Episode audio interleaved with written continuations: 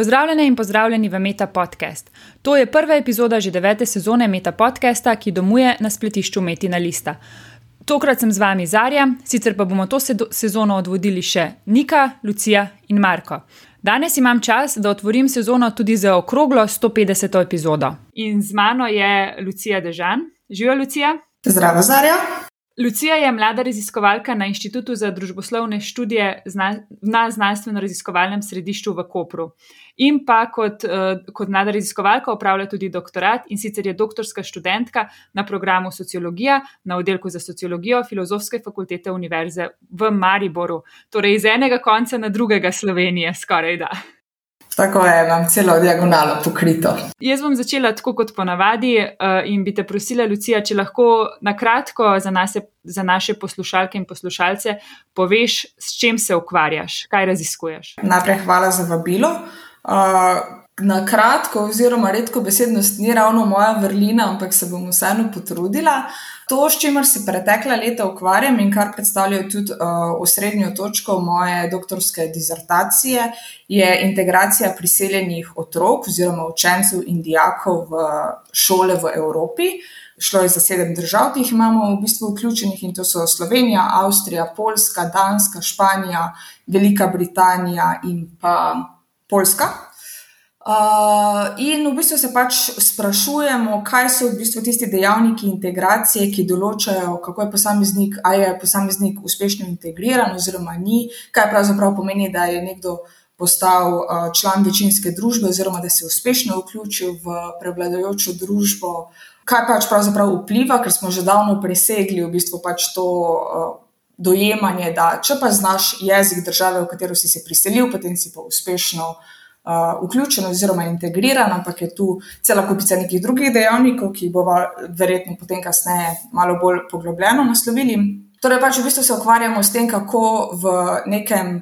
Na neki mezoravni, torej na ravni šole, kako se pač prepletajo ti dejavniki iz makrookolja, torej iz uh, vidika države, in kakšen vpliv imajo potem tudi pač mikro, oziroma individualni dejavniki, torej dejavniki posameznikov. Uh, Uh, in kako pravzaprav teče ta dvosmerna integracija, ker to je tudi nekaj, na kar uh, študije zadnja leta intenzivno, seveda pač opozarjajo, da integracija ni samo pač, da to breme integracije, breme vključevanja preselimo na posameznika, torej recimo na otroka, učenca, dijaka, ki pride recimo v Slovenijo, ampak seveda se pač mora tudi večinska družba, kako mu pravzaprav prihaja naproti, kako v bistvu mi živimo to neko multikulturnost, ta pluralizem ki je v zadnjih letih, oziroma ki mu je pač globalizacija dala dodaten pospešek.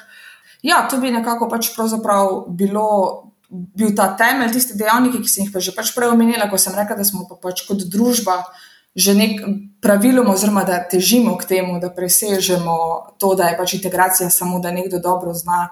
Jezik večinske države, recimo konkretno pri uh, tej šolajoči se mladini, gledamo recimo tudi na njihovo psihološko blagostanje, kako so vključeni v neke vrstniške skupine, kako so vključeni v prostočasne aktivnosti, kako so vključeni v delovanje na, v šoli, da ni samo pač vstanem, nadanem si torbo, grem v šolo, imam pouk in potem, ko se zvoni zvonec za konec pouka, grem domov in je to to, ampak so tudi pač tam, jih ne vem, vključujejo v neke.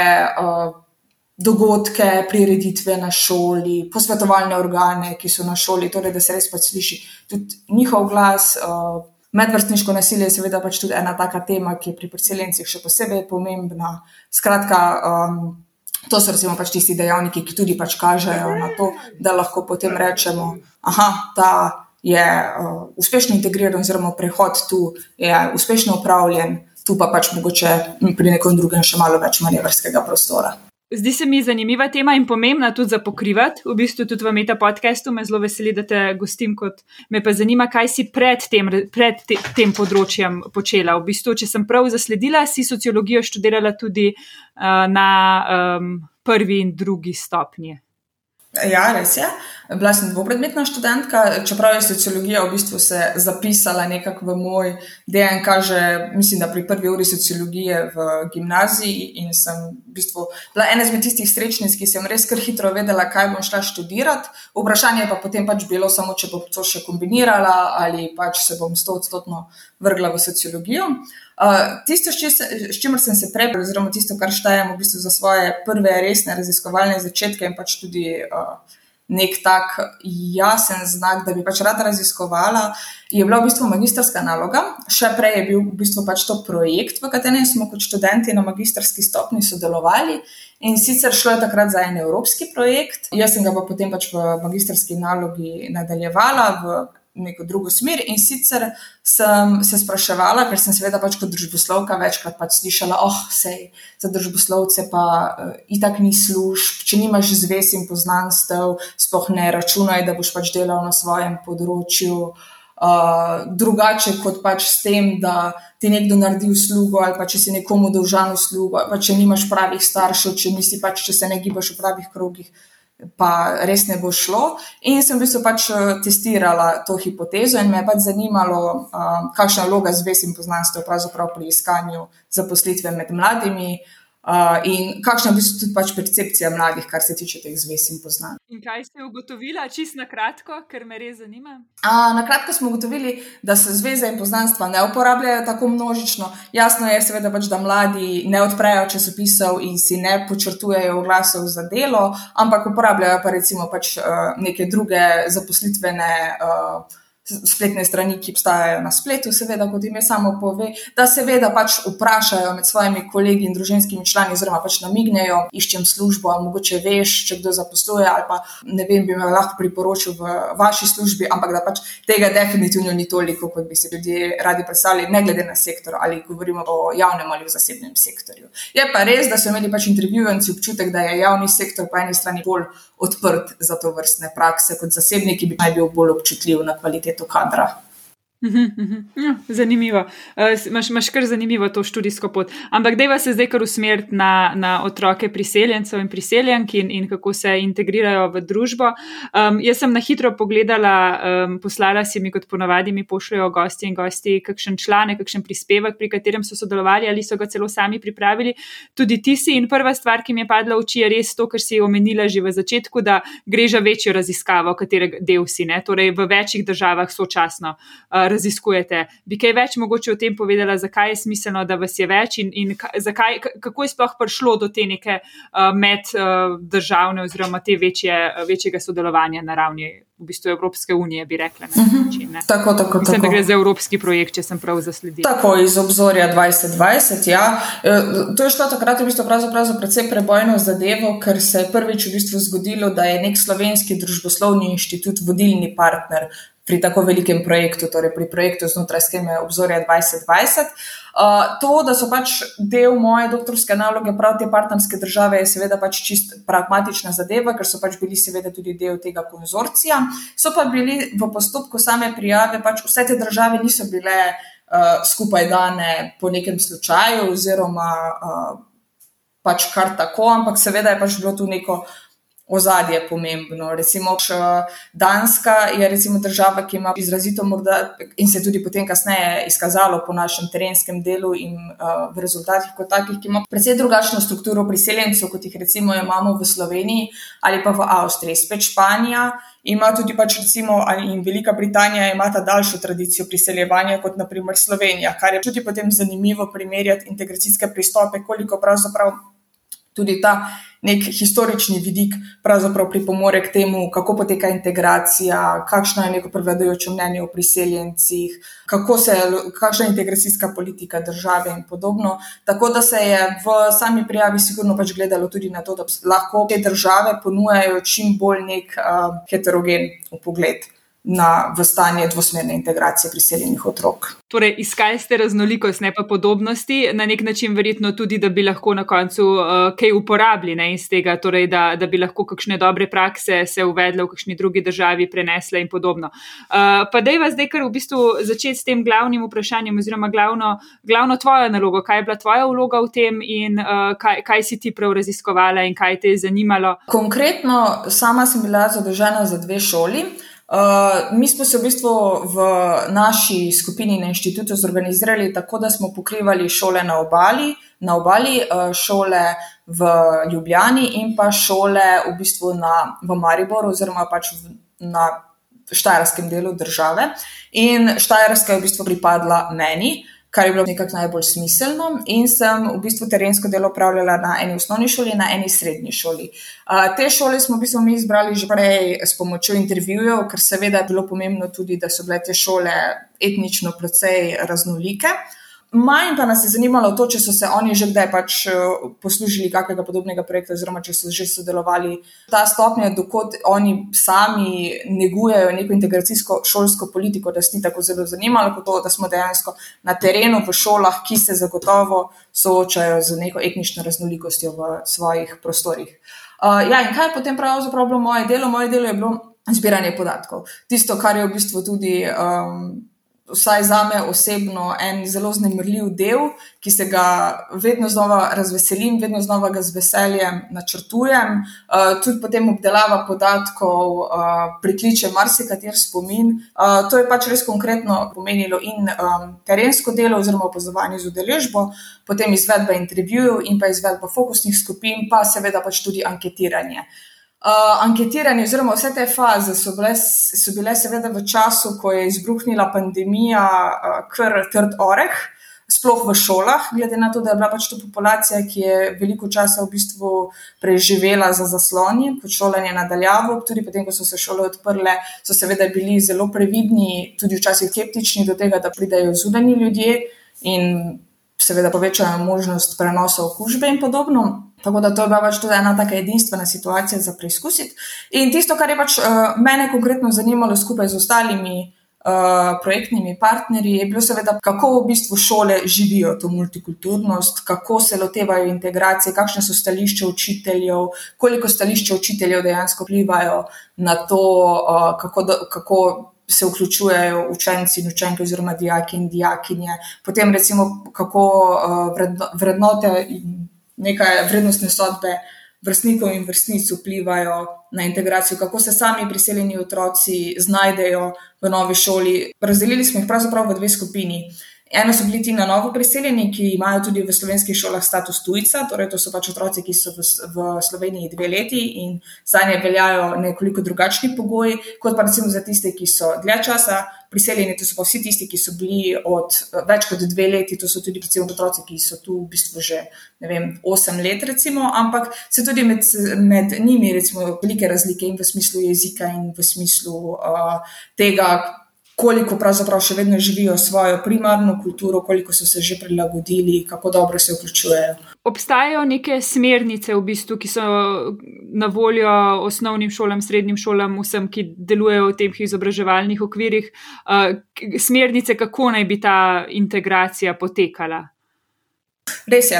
Slovenija ima, kar se tega tiče, na papirju odlično strategijo, ker ima pravzaprav pokrito skoraj celo vertikalo, razen fakultet kot takih, ampak točno v bistvu obstajajo um, smernice za vključevanje priseljenih otrok oziroma učencev v vzgojno-izobraževalnih institucijah od vrca osnovne šole do srednje šole. Tu so pač točno opisane prilagoditve, ki so jih deležni, strategije. Um, mehanizmi pomoči, kaj jim pripada, kako do tega, uh, kaj ministrstvo omogoča, do česa ima posamezna šola pravice in podobno. Ampak to, kar se pač pogosto zgodi, tudi sicer ne samo na področju integracijske politike, je, da pač smernice včasih postanejo mrtva črka na papirju.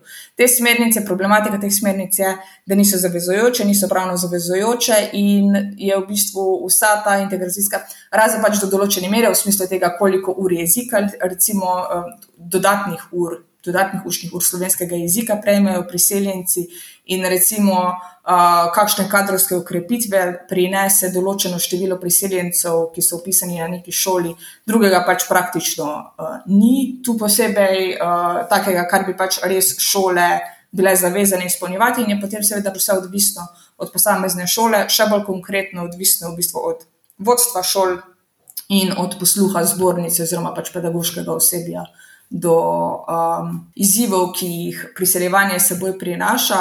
Pričemer pač se mi zdi tu pomembno pač izpostaviti, ko se, se ravno pogovarjamo o pedagoškem osebju. Tudi zdaj na minuli uh, konferenci o vključevanju, inkluzivnosti in pravičnosti v vzgoji in izobraževanju, ki je potekala ta teden na Brdu, je uh, dr. Peček Čuk pa tudi sicer v svojih raziskavah pač večkrat izpostavi, da je za integracijo kot tako, za integracijo priseljenih učencev, je bolj pomembna vrednotna orientiranost pedagoških delavcev, kakor pa njihova usposobljenost v smislu neke medkulturne pedagogike. In to se mi zdi pač, da je zelo jasno sporočilo, ki ga premalo krat poudarjamo. In um, vi ste v svojem delu, oziroma ti si v svojem delu, če sem prav razumela, delala z zelo različnimi ravnmi uh, ljudi, od tega, da si verjetno sodelovala pri kakšnih uh, pouku tudi učencev in učenk, kjer si lahko videla, kaj se dogaja, do tega, da si potem govorila z ravnatelji in ravnateljicami različnih šol in, in vse to. In mogoče lahko kaj poveš, kaj si, kaj si v bistvu spoznala. Ne, malo si že nakazala na to, da um, smernice so po tvojem mnenju, oziroma verjetno po mnenju stroke, primerne uh, ni pa nujno, da se dejansko uporabljajo na terenu. In um, kaj si spoznala? Zdaj na ravni učiteljev in uh, pač tega vodstvenega osebja se mi zdi. Pa niti ni to pač primarni, mislim, bo to sigurno pač uh, del dizertacije na koncu, ampak res je moj fokus bolj na uh, končnih uporabnikih, torej na otrocih in to, ampak se mi vseeno zdi pač pomembno izpostaviti.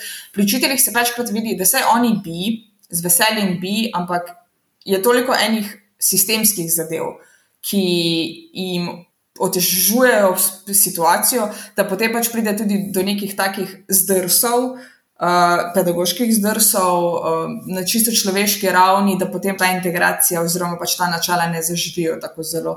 Dejstvo je, da imeti priseljence v razredu je pač podobno kot pač imeti učence s posebnimi potrebami, ker to so na nek način posebne potrebe oziroma si zaslužijo poseben status in težko je pač pouk prilagajati tolikšni skupini s tolikšnimi posebnostmi. Uh, premalo jih je, uh, Vsa gradiva, ki nastajajo, tudi tekom našega projekta, so recimo pač nastale in digitalne aplikacije, ki bi naj spodbujale to občutljivost na um, medkulturna vprašanja, ki bi naj spodbujale integracijo. Naredili smo tudi priročnik za učitelje, recimo s praksami, s točnimi navodili, kako pripraviti razred na to, da bo prišel priseljeni učenec, kako uh, recimo organizirati kulturne dneve in podobno. Ampak pač enostavno so tako obremenjeni z vsem ostalim, z vsem z birokracijo, z pritiski, z pričakovanji in zahtevami, da, da je to samo še eno dodatno polje, ki se prej in potem, in mimo grede pač v intervjujih, zdrsnejo stavki v smislu tega, da se pač oni bi, ampak da joj.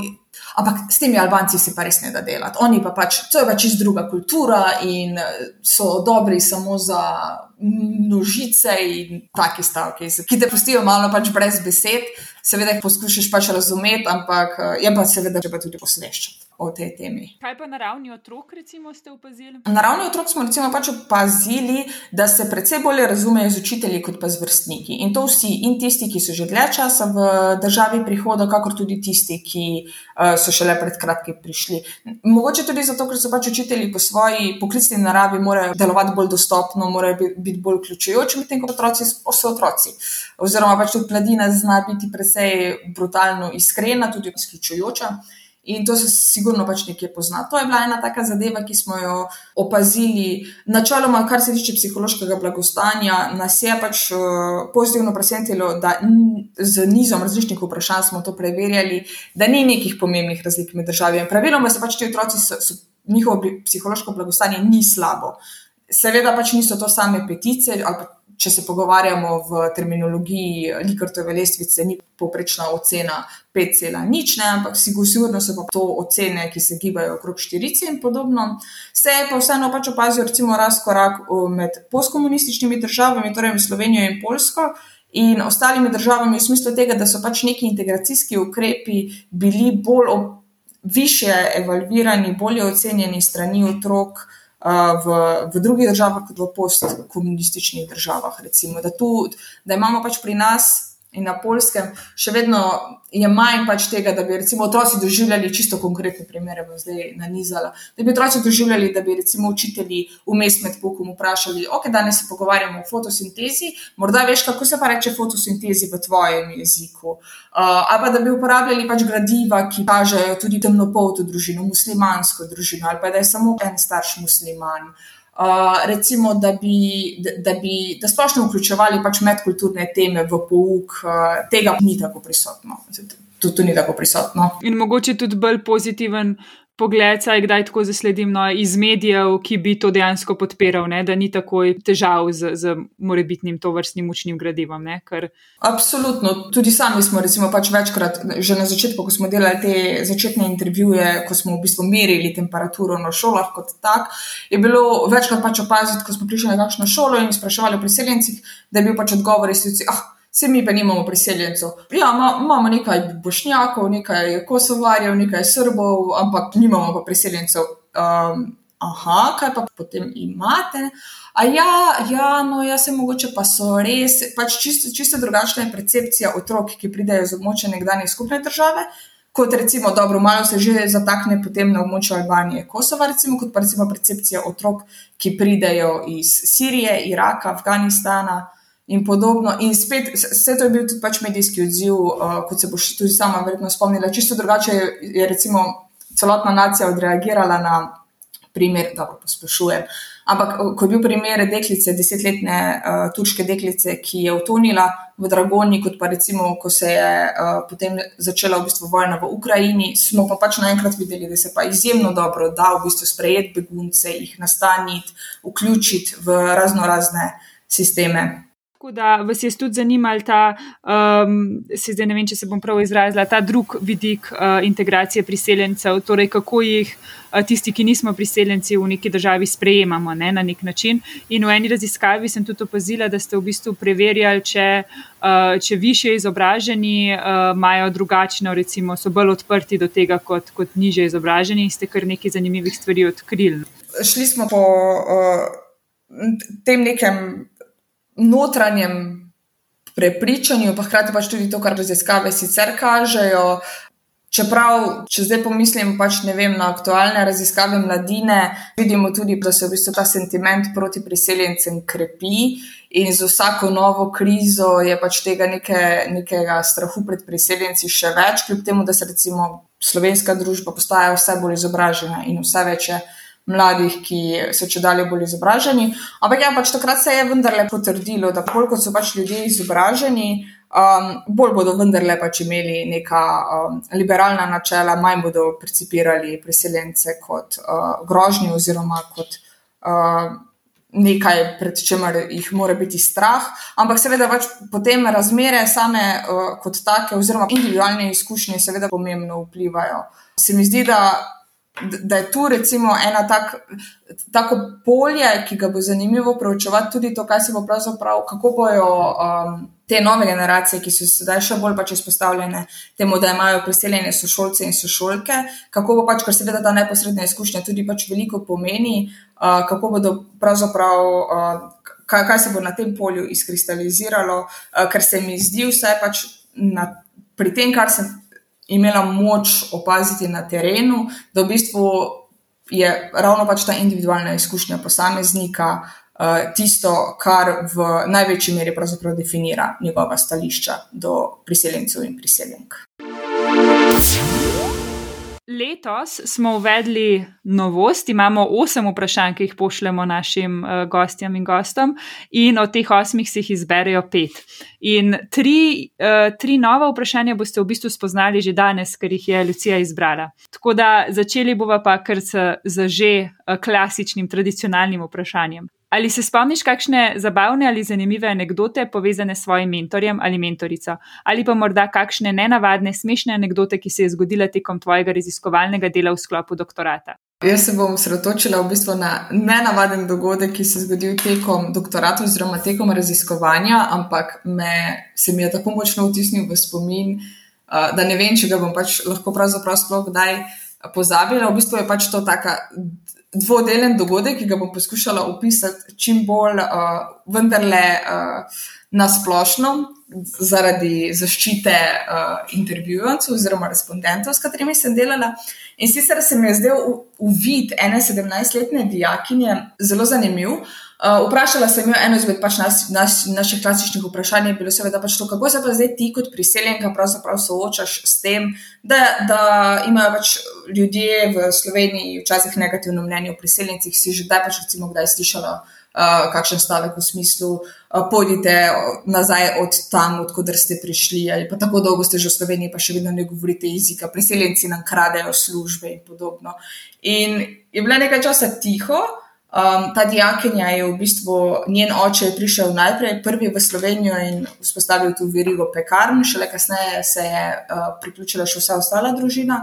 In je sama, sama priznala, da je ona prvič v šoli, torej v gimnaziji, slišala, da uh, priseljenci kradejo službe, ampak da je ni jasen ta paradoks. Po eni strani priseljenci pridemo in upravljamo službe, ki jih vi nočete delati, in delamo in se pošteno služimo kruh, in to ni v redu.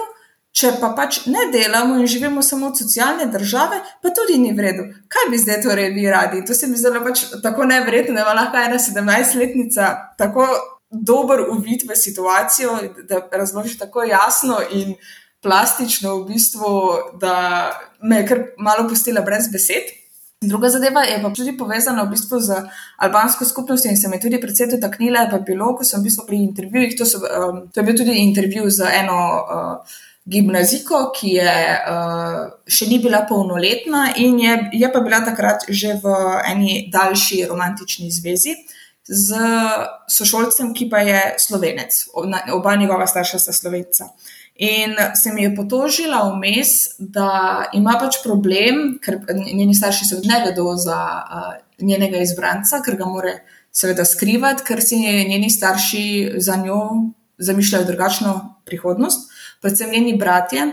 In ima seveda pač problem tudi komunicirati z uh, svojimi uh, sošolkami o tej zadevi, več težav, ker enostavno ne razumejo, ker niso v sorodni situaciji. Ker je vendarle ona že tako dolgo v Sloveniji, da je socializirana v smislu tega, kaj si želi zase. Kot uh, za žensko v neki romantični zvezi, kako si pač predstavlja potek, ta potek je drugačen od poteka, ki si ga njena tradicionalna družina predstavlja za njo. In kakšni so v bistvu pač to pritiski družine in hkrati pač breme, breme, ki ga je imela ta 17-letnica na sebi, v smislu tega, da bo razočarala starše, da bo razočarala brate, da bo izgubila družino.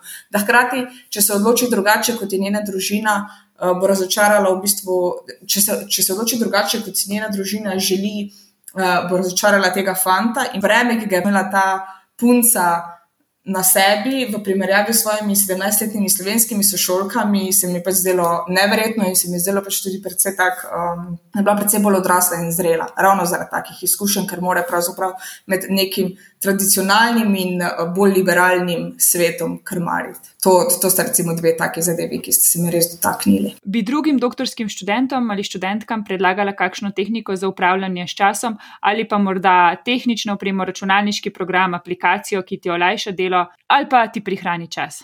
Ja, v bistvu bolj sem razmišljala o smeri teh aplikacij in podobno. Uh, Marsi katera dobra je bila že v preteklih sezonah izpostavljena in je tudi meni prišla prav. Vseeno bi izpostavila dve, ki ste zelo podobni, sicer Connected Papers in Citation Gecko, ki sta v bistvu pač narejeni tako, da v bistvu ustvarjata te mreže sorodnih člankov, torej pač v bistvu nas en članek iz naše tematike popelje še na polje, ne vem, 40 drugih, ki se ukvarjajo tudi z našo temo in nam izriše pač to mrežo, s katero si potem lažje pomagamo. Pri raziskovanju svojega področja. Ena taka luštna in tudi pač precej učinkovita, se mi zdi tudi Study Together. In sicer gre v bistvu pač za to, da si sam ustvariš uh, neko vizualno okolje, uh, ki hkrati vključuje tudi pomodoro tehniko in ti omogoča, da v bistvu pač fokusirano delaš in lahko imaš svojo uh, zasebno študijsko sobo ali pa se družiš ostalimi. Potem je v bistvu kot da bi pač delal v knjižnici z vrstniki iz celega sveta, ampak se hkrati med seboj uh, malo je pač ta uh, pritisk opazovanosti, oziroma kako bi človek te bo rekel, da se pač res poglobiš v svojem delu.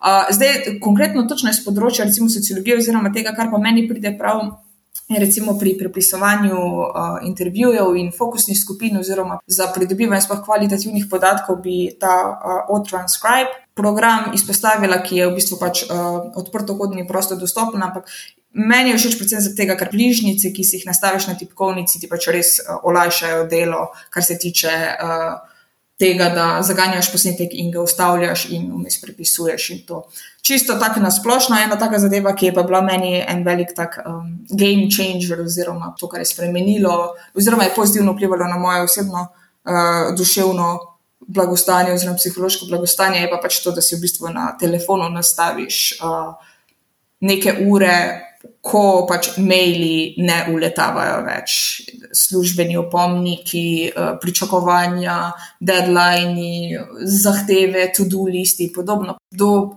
določene ure to ja, ampak po določeni uri pa pač se ti notifikacije ne kažejo več. In, lažje odklopiš in potegneš črto. Katera stvar ti je tekom doktorata prinesla največ veselja ali izpolnitve? Kaj je bil na nek način highlight tvojega študija do sedaj? Vsekakor intervjuvenci, kot se je lahko verjetno pač pokazalo tudi pri izboru dogodka, oziroma tistega, kar je zaznamovalo pač to pot, vsekakor intervjuvenci, ker tu. Res delaš z eno posebej ranljivo skupino, to so mladi, to so priseljenci, to so ljudje, ki imajo za seboj že eno tako zelo veliko izkušnjo in to, da, kot, da dobijo oni občutek, da jih res slišiš, da jih poslušaš, da si tam za njih in ko se ti tudi pač zahvalijo, ko rečejo nekaj v stilu, recimo, joj, pa ti si prva, ki se z mano dejansko o teh zadevah pogovarja, ti si prva, ki jo pač zanima, kaj jaz mislim o tem, je od tehta, od tehta marsikaj.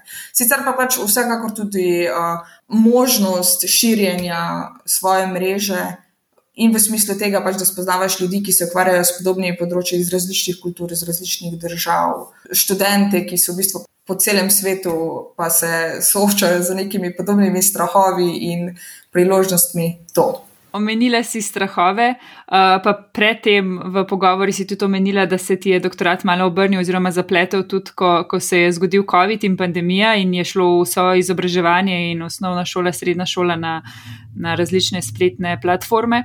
Verjetno si se takrat se soočila tudi s kar nekaj stresa. In kakšen je tvoj način za spopadanje s stresom in pa morebitno negotovostjo, ki pride z doktoratom oziroma med doktoratom?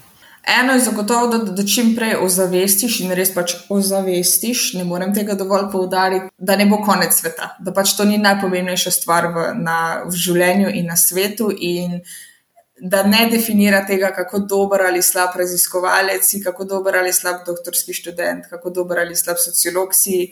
Pač life happens, things happen. In, uh, in to je bilo pač definitivno. Mislim, je dolgo trajalo, preden sem pač to ozavestila, ampak vsekakor to ni najpomembnejša zadeva na svetu.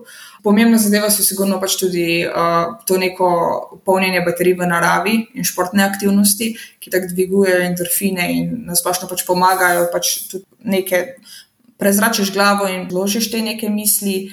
Uh, pomaga pač tudi pogovor včasih pač z ljudmi iz stroke, ki se soočajo z nekimi istimi zadevami, pa imajo pač mogoče več izkušenj, več znanja in ti lahko treje, hitreje prideš do neke rešitve, kot če bi sam tuhtal. Včasih je fino, da se pač pogovoriš z ljudmi, ki sploh niso v stroki, ki ti dajo spet, torej prijatelji konkretno, uh, ki ti dajo tudi čist nek drug pogled v situacijo in to zavedanje, um, dokot lahko sam vplivaš na situacijo in kaj je pač izven tvojega dometa. Če bi bodoči doktorantki ali pa bodočemu doktorantu lahko, lahko dala en na svet, ki si želiš, da bi ga ti prejela, preden si začela doktorat, kaj bi bil ta na svet? Seveda ne bo samo en, ampak bo večstopenski. Uh, Zgodno bi pač izpostavila, da se ta uh, sindrom prevaranta polasti vsakega na neki točki in je pač neka normalna zadeva, ni fino in ni fajn. In, uh, če bi lahko, bi ga seveda pač eh, preskočila, ampak vse, vsekakor je fino vedeti, pač, da nisi sam v tem in da se vsakemu zgodi, in da se zgodi tudi kasneje v karieri, da ni to samo nekaj,